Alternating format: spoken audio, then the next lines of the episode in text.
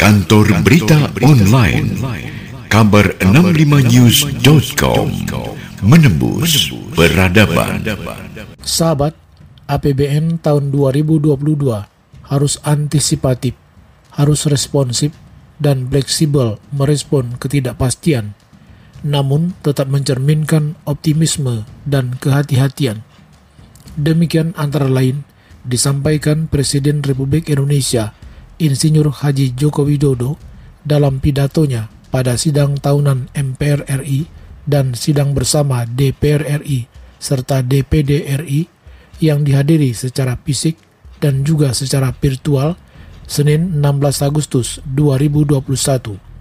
Selengkapnya, Kepala Negara berkata, Sampai saat ini, pandemi COVID-19 masih belum berakhir tahun 2022, kita masih akan dihadapkan pada ketidakpastian yang tinggi. Kita juga harus bersiap menghadapi tantangan global lainnya, seperti ancaman perubahan iklim, peningkatan dinamika geopolitik, serta pemulihan ekonomi global yang tidak merata.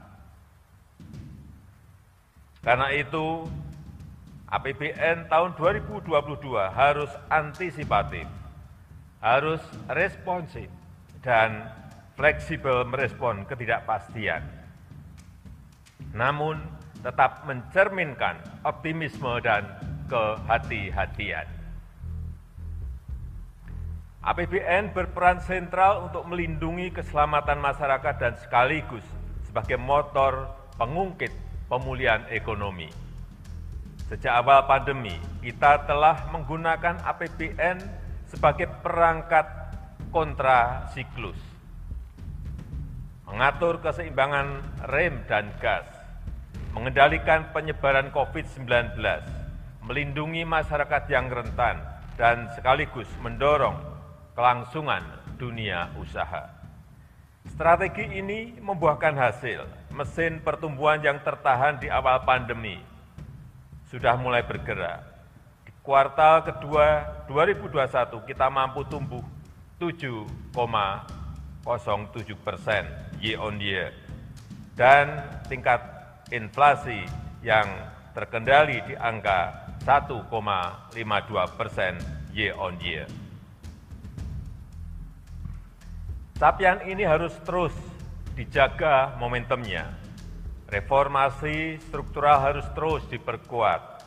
Undang-undang Cipta Kerja, Lembaga Pengelola Investasi INA, dan sistem OSS berbasis risiko adalah lompatan kemajuan yang dampaknya bukan hanya pada peningkatan produktivitas, peningkatan daya saing investasi, dan peningkatan ekspor, tapi juga pada penciptaan lapangan kerja yang berkualitas, dan pemulihan ekonomi yang berkelanjutan.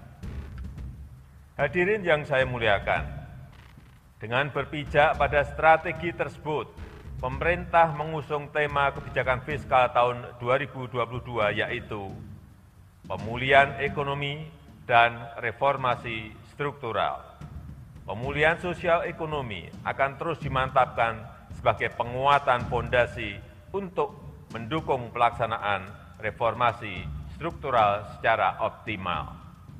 Reformasi struktural merupakan hal yang sangat fundamental untuk pemulihan dan akselerasi pertumbuhan ekonomi pasca pandemi. Karena Indonesia bukan hanya harus tumbuh, tapi tumbuh dengan cepat dan berkelanjutan. Untuk itu, produktivitas harus ditingkatkan produktivitas akan bisa meningkat bila kualitas SDM membaik. Diperkuat oleh konektivitas yang semakin merata, pembangunan infrastruktur yang dipercepat, termasuk infrastruktur digital, energi, dan pangan untuk mendorong industrialisasi, serta dukungan ekosistem hukum dan birokrasi yang kondusif bagi dunia usaha. Kantor Berita Online kabar65news.com menembus peradaban.